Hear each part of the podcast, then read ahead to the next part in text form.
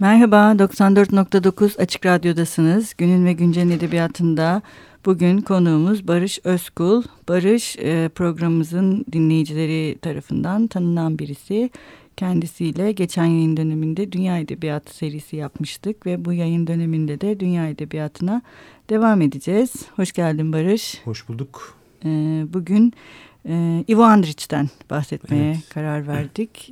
Barış'la birlikte. Ben tabii şey diye düşündüm hani Ivo Andrić ne zaman okumuştum en son herhalde lisedeyken falan okumuştum. Ve evet. böyle çok da belleyimde nedense yer etmiş bir yani ismi evet ama e, edebiyatı nedense yer etmemiş diye düşündüm. O yüzden bugün hmm. aslında iyi bir seçim oldu Ivo Andrić.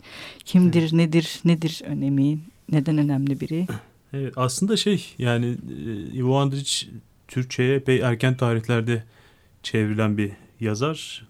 Hasan Ali Ediz ve Nuriye Müstakimoğlu bunlar Sırpçadan e, şeyi e, Dirna Köprüsü'nü çeviriyorlar. Yanılmıyorsam 60'larda. Orijinalinden yani evet, kendi dilinden. Orijinalinden. Bu da şeydir çok rastlanan bir durum değildir yani Sırpçadan çeviri yapan evet. Türkçe'ye pek var mı bilmiyorum. Edebiyat çevirisi yapan özellikle çok az olabilir.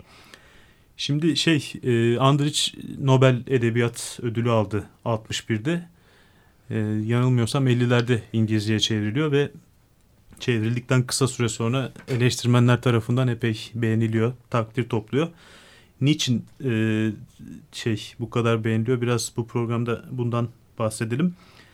Şimdi Andrić şey e, esasen Travnik e, doğumlu. Travnik Bosna ile e, Sırbistan arasındaki sınır bölgesinde bulunur. 1892'de e, doğuyor Andrić. Şey Avusturya Macaristan İmparatorluğu sınırları içerisinde o tarihlerde Travnik ama 14 yıl öncesine kadar yani 1878'e kadar Osmanlı toprağıydı ve Balkanlardaki şey çok kültürlü Osmanlı mirası Andrić'in çocukluğunun geçtiği şehirde Visegrad'da çok Travnik'te ve Visegrad'da epey şey elle tutulur bir olguydu.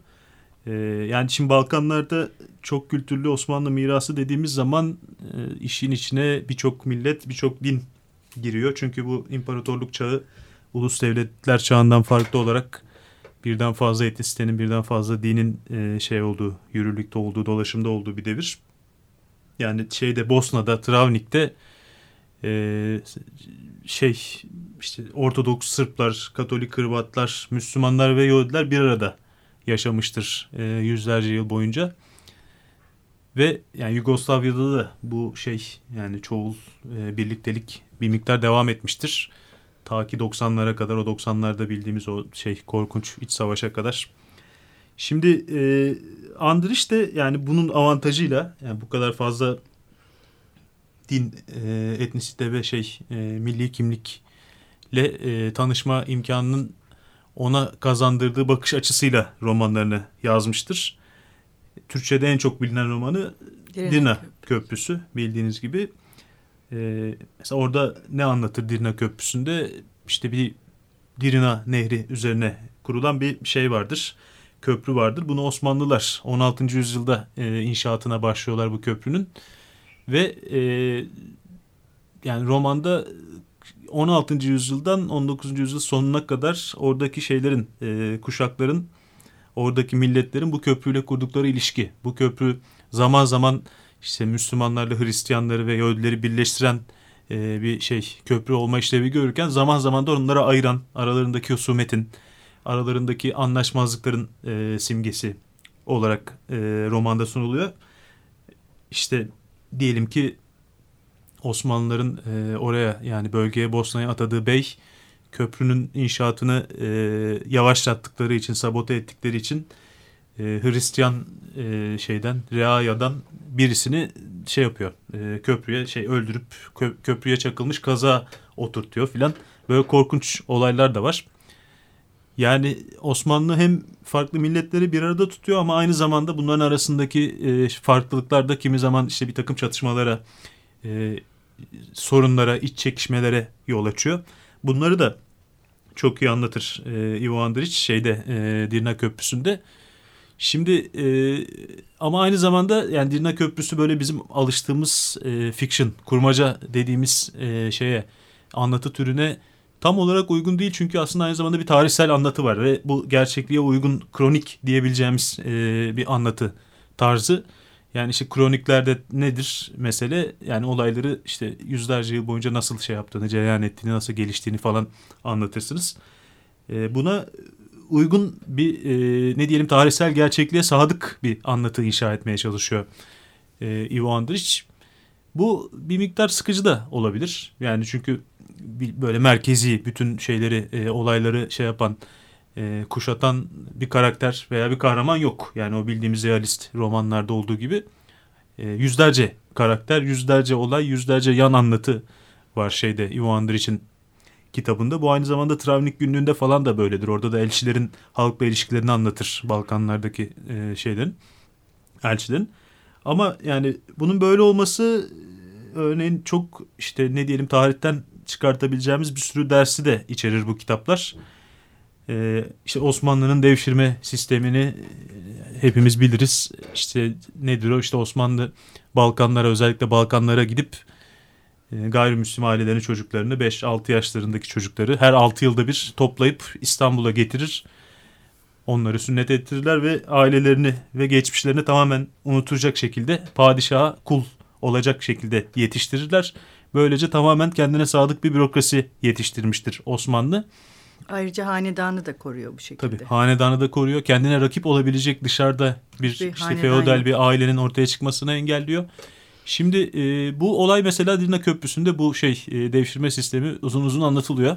Şimdi bunun e, kötü tarafları çok acıklı insani trajedileri de var. Şöyle işte mesela anneler çocukları alınmasın diye bir kısmı onlara ondan özürlü olduğunu e, şey yapan iddia eden çocuklarından özürlü e, engelli e, çocuk taklidi yapmasını isteyen anneler var. Onları görüyoruz. Bir kısmı çocuklarının kollarını kesiyor işte yani çocukların işe yaramaz olduğunu göstermek için e, onlardan ayrılmamak için bir kısmı çocuklarını ormana kaçırmaya çalışıyor filan. Ama e, bunlar oluyor tamam. Ama aynı zamanda işte diyelim ki Sırbistan'ın Sokoloviç kasabasından bir çocuk alınıp Osmanlı'ya getiriliyor. 6 yaşındaki bir çocuk. Bu çocuk daha sonra Sokollu Mehmet Paşa oluyor. Yani e, Sırbistan'da kaldığında e, yani kendi köyünde ve o kapalı evrenin içerisinde hayatını sürdürecekken Osmanlı'nın en tepesine de çıkabiliyor, çıkabiliyor bu çocuklar. Ve Sokollu geri dönüp e, kendi şeyine yani kasabasına bir kilise inşa ediyor. Osmanlı'nın böyle bir şey e, ne diyelim yükselme mekanizması falan da vardı. Bu aynı zamanda eşitleyici bir mekanizmadır. Her ne kadar çocuklar zorla alınsa da yani o çocukların şeyi ilerideki kariyeri mariyeri falan da Osmanlı eliyle hazırlanmıştır. Bunları çok e, iyi anlatıyor şey. E, Ivo Andrić özellikle şeyde Dirina Köprüsü'nden bahsediyoruz. E, bu kitaplarında. E, şimdi şey e, yani şu e, avantajı var. Yine hayatına dönmek istiyorum Ebu için. Yani Saraybosna'da o, ortaokulu, liseyi falan bitirdikten sonra Zagreb'de, Viyana'da, Krakow'da ve Graz'da bulunuyor Andrić. Buralarda üniversite öğrenimi görüyor.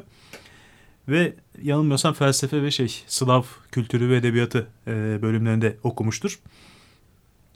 Ondan sonra 19 yaşındayken henüz şey e, Bosna Devrimci Gençlik Hareketi'ne katılıyor ve şeyin e, Bosna'nın Avusturya Macaristan'dan e, bağımsızlığını savunan bir harekettir bu Bosna Devrimci Gençlik Hareketi. Ve şeyin bu Birinci Dünya Savaşı'nı başlatan meşhur e, Arşidük Ferdinand suikastını yapan e, öğrenci de bu şeye e, Devrimci Gençlik Hareketi'ne üyeydi. Andrić de buna üye olduğu için bu harekete dahil olduğu için hapse atılır filan. Şimdi e, ve yani kendi hayatındaki şeyleri, e, olayları, deneyimleri falan kitaplarına çok iyi yansıtabilen bir yazar Andrić. Şunu görüyoruz işte e, Lanetli Avlu diye bir e, şeyi vardır, öykü kitabı vardır. Prokleta Avlija, bu avlu Avlija Sırpçada, Türkçeden Sırpçaya geçen çok fazla kelime var. Patlıcan ee, var benim evet, bildiğim mesela en çok. Evet. Yani bu Osmanlı'dan kalma e, bir şey özellik. Bu lanetli avluda İstanbul'da hapsedilen şeyi e, Osmanlı'nın lanetli avlusuna tıkılmış mahkumları anlatır Andrić. E, yani Andrić'in Bosna'sında olduğu gibi bu lanetli avluda da Müslümanlar, Yahudiler ve Hristiyanlar bir arada bulunur. Yani ve bütün klastrofobik, e, bütün karamsar, bütün cezaevinden bekleneceği gibi şey olumsuz ortama rağmen lanetli avlu aynı zamanda tarih içinde tarihe, hikaye içinde hikayeye açılarak yani Osmanlı'yı meydana getiren farklı kimliklerin, farklı etnisitelerin e, bir arada bulunduğu bir şey olarak, e, bir mikrokozmos olarak sunulur. Bunu çok kısa bir öyküde bile yani lanetli avlu çok son derece kısa bir öyküdür. Muazzam bir şekilde anlatır. Andrić e, şeye bağlamak istiyorum bunu. Yani Andrić'in bir Yugoslav olması onun için büyük bir avantaj. Yani bu, bu Osmanlı'nın e, o çok etnisiteli mirasının hala şey olduğu, hala yürürlükte olduğu bir yerde doğmuş, yetişmiş olması.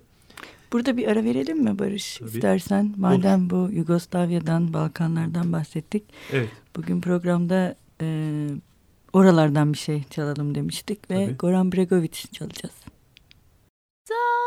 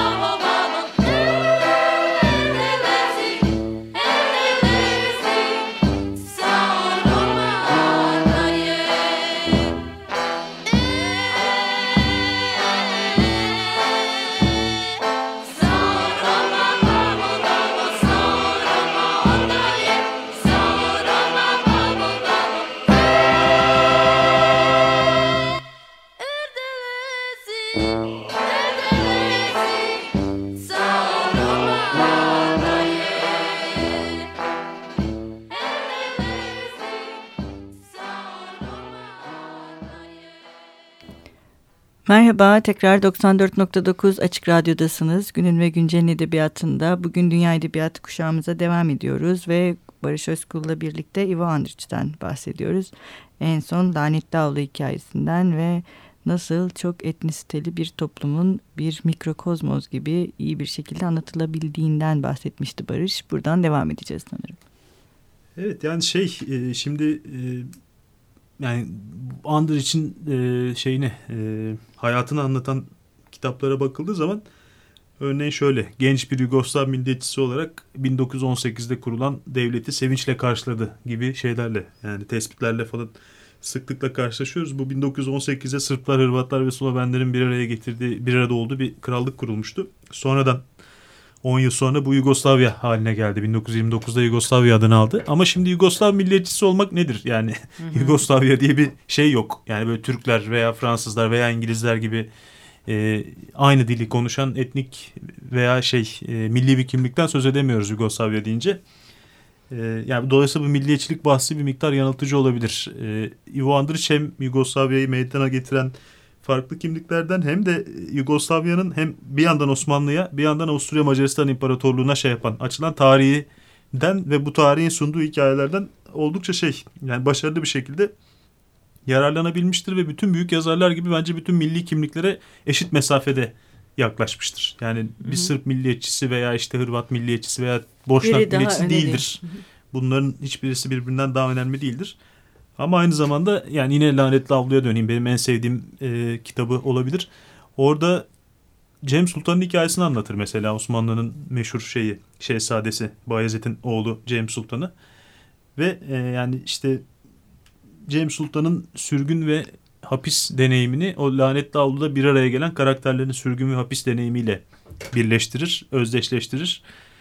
Ee, yani bir şey, e, bir Yugoslavya, diğer kitaplarında bir Yugoslavya kroniği sunduğundan söz etmiştik ilk kısımda. Burada da bir hapishane kroniği sunar ve bu hapishane kroniği de birçok hikayeye açılır.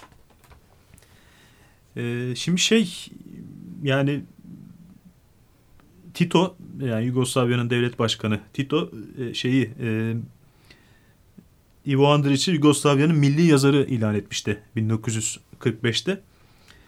Yani Yugoslav Edebiyatçılar Sendikası Başkanlığını yapmıştı e, Andrić. Hiçbir zaman öyle angaje bir politikacı falan e, olmamıştır ama yani ne diyelim yani diplomat olarak, kimi zaman işte vekil olarak, e, kimi zaman elçi olarak şeye yani Yugoslav devletine çeşitli hizmetler sunmuştur. Ve burada şundan söz etmek lazım. Yugoslavya'da e, kağıt üstünde so, sosyalist bir şeydi, e, cumhuriyetti, devletti. E, ama Sovyetlerden farklı olarak edebiyatçılar üzerinde e, böyle Baskı büyük baskılar kurulmadı Yugoslavya'da. E, yani e, göreli bir özellik tanındı yazarlara. Yani sosyalist gerçekçiliğin doğrularını yazmak gibi bir zorunluluk konmadı. E, dolayısıyla yani böyle bir e, Yugoslavya'da bulduğu o şey özgürlük ortamı da için bu hikayeleri rahatlıkla yazmasına olanak sağlamıştır diyebiliriz. Tabii Yugoslavlar onu o zaman Yugoslavya'nın milli yazarı olarak görüyorlardı ve öyle sahipleniyorlardı. Bugün Sırplar mesela yani en sevdikleri yazar olabilir hala Andrić. Öyle görürler Andrić'i. Ee, öte yandan yani diyelim ki şeyde e, Rusya'da 30'larda veya 40'larda yazsaydı hmm. işte Stalin bir Osmanlı şeyi e, propagandası yapmasına herhalde izin vermezdi. Yani Osmanlı'nın iyi yönlerini evet. anlatmasına. E, yani şey e, bütün bu Balkan hayatını şey yapmak için e, yakından tanımak için işte bu e, Balkanlarda özellikle çarşı, pazar bunların gündelik hayattaki yansımaları, akisleri, sembolik anlamları filan bunları çok iyi anlatmıştır Andrić. Hala aşılmamış eserlerdir bunlar. İşte Bosna'daki hayat, Osmanlı Sultanı'nın İstanbul'dan Balkanlara Bosna'ya gönderdiği vezirler ve beyler, bunların yörede nasıl karşılandığı, Hristiyan halka, reaya ne ifade ettiği, yani ondan sonra işte ne diyelim e, yani milliyetçiliğin aslında gündelik hayatta insanların kendi aralarında kurdukları ilişkiler sayesinde nasıl aşındığı, nasıl ortadan kalktığı e, bu konularda yani anlattıkları bence hala şey aşılmamış e, şeylerdir. Ve yani destansı epik bir tarafı vardır. Onun için Yugoslavya'nın Tolstoy'u olarak anılır hmm. şeyde Sırbistan'da. Ee, yani uzun süredir bildiğim kadarıyla şey yani ne diyelim Yugoslavya'dan Nobel Edebiyat Ödülü alan yazar Çıkmadı. çıkmıyor. Yani bu işte bizden öne bir... çıkan bir yazar da yok sanırım sadece Nobel yani de biz bilmiyoruz evet. tabii böyle bir şey öne çıkan yani vardır da belki bizim evet, evet haberimiz evet. yok. Ama tabii böyle artık bu kadar yani e, şey ne diyelim yüzlerce yıllık e, şeyleri toplumların yüzlerce yıllık tarihini anlatan romanlar da yok. Pek yazılmıyor. Evet, onlar, o kadar. Evet, onların da devri e, geçti artık. Büyük işlere Doğru. giren yazarlarda evet. pek olmuyor. Yani şey devrinde değiliz bir kere. Tolstoy devrinde değiliz. E, Walter Scott devrinde değiliz. Onların yazdığı tarihi romanlar artık yazılmıyor. Ama Andrich gibi yani daha böyle işte şeyi e, yakın tarihi anlatan şeyler de e, çok fazla yazılmıyor diyebiliriz. E, ben yani şey e, Ivo Andrić'in Dirna Köprüsü örneğin işte iletişimde epey baskı yapıyor. Yani hmm, şeyde güzel ilgi görüyor e, yani. Evet sürekli ilgi görüyor. Bu neye bağlanabilir? Hala Türkiye'de belli ki Osmanlı geçmişini merak eden bir de diğer şey, taraftan merak eden. Diğer yani. taraftan merak eden tarihin bir aşamasında Balkanlardan Türkiye'ye göçmüş olan ki bu göç neredeyse 100 yıla 150 yıla yayılır. Öyle insanlar var ve Andrić onlara da hitap edebiliyor ama evet. kaba saba bir Sırp milliyetçiliği falan yapsaydı herhalde pek Evet yok o kadar ilgi görmezdi. bilirdi. O söylediğin şey çok önemli. Yani belirli bir tarafın e, savunucusu olmak yerine evet. e, çok etnisite ve çok kültürlü bir toplumu yansıtmak ve bu şekilde zengin bir toplum olarak bunu yansıtmak da sonuçta insanlara çok e, hitap eden bir de bunu zamansızlaştıran da bir şey yani bu evet. bu bir her zaman herkesin isteyeceği bir şey sonuçta. Evet. Öyle değil mi? Şimdi şey e, şundan bahsettim son olarak e, bir şey ilave etmek istiyorum. Bu Ortodoks Sırplar, Hırvatlar, Müslümanlar, Yahudiler falan bunların hepsi var e, şeyin e, Andreç'in kitaplarında. Hem Dirna Köprüsü'nde hem Travnik Günlüğü'nde hem Ömer Paşa'da. Aynı zamanda Batı Avrupa ülkelerinden e, oralara gelen Balkanlara gelen elçiler de var. Hı hı. Yani işte Fransızları da görebiliyorsun evet, romanda. Güzel. Bir de böyle bir şey var. İşte yani bu da yani ne diyelim bir dünya edebiyatı bir imkan olarak yani bir içerik olarak e, var olacaksa herhalde böyle kitaplarla böyle romanlarla Doğru. var olabilir. E, yani nitelik bakımından dünya edebiyatını, evrensel edebiyatı yakalamak zaten önemli bir şey. Ama aynı zamanda içerik bakımından da e, bu kadar farklı milletten karakteri şey yapabilmek, anlatabilmek yani ciddi bir hayal gücü gerektirdiği gibi aynı zamanda ciddi bir dünya bilgisi gerektiriyor. Ciddi bir tarih Doğru. bilgisi gerektiriyor. Yani bütün bu dünya edebiyatı programlarında konuştuğumuz gibi aslında edebiyat evet. dediğimiz şey içimizden gelen şeyleri kağıda dökmek değil de ciddi bir emek, ciddi bir çalışma Tabii, gerektiriyor falan. Bunu da belki e, son olarak İlave. vurgulayabiliriz. Peki şu anda şey sorayım ben de son çok az bir zamanımız kaldı. Eğer sen bir şey hani söylemeyeceksen bu ıı, kaç kitabı var Türkçe'de şu anda? Andr için biliyor mu? Biliyor Valla şimdi şey e, Dirna Köprüsü var. Travnik Günlüğü var. Ömer Paşa var. E, Lanetli Avlu 60'larda uğursuz avlu olarak e, şey olmuş basılmış. Ondan sonra e, Şimdi Aydın Emet çevirmiş sanırım. Yeni baskısı iletişimden yakın, yakında yapılacak çıkacak. birkaç ay içerisinde. Lanetli Avlu olarak çıkacak. Hı hı. O baskı ee, yani o çeviri çıkacak Aydın Emet'in yok, çevirisi. Yok yeni çeviri. Ha, yeni Müge çeviri. Günay çevirdi onu. Çevirecek. Ee, ve yani şey e,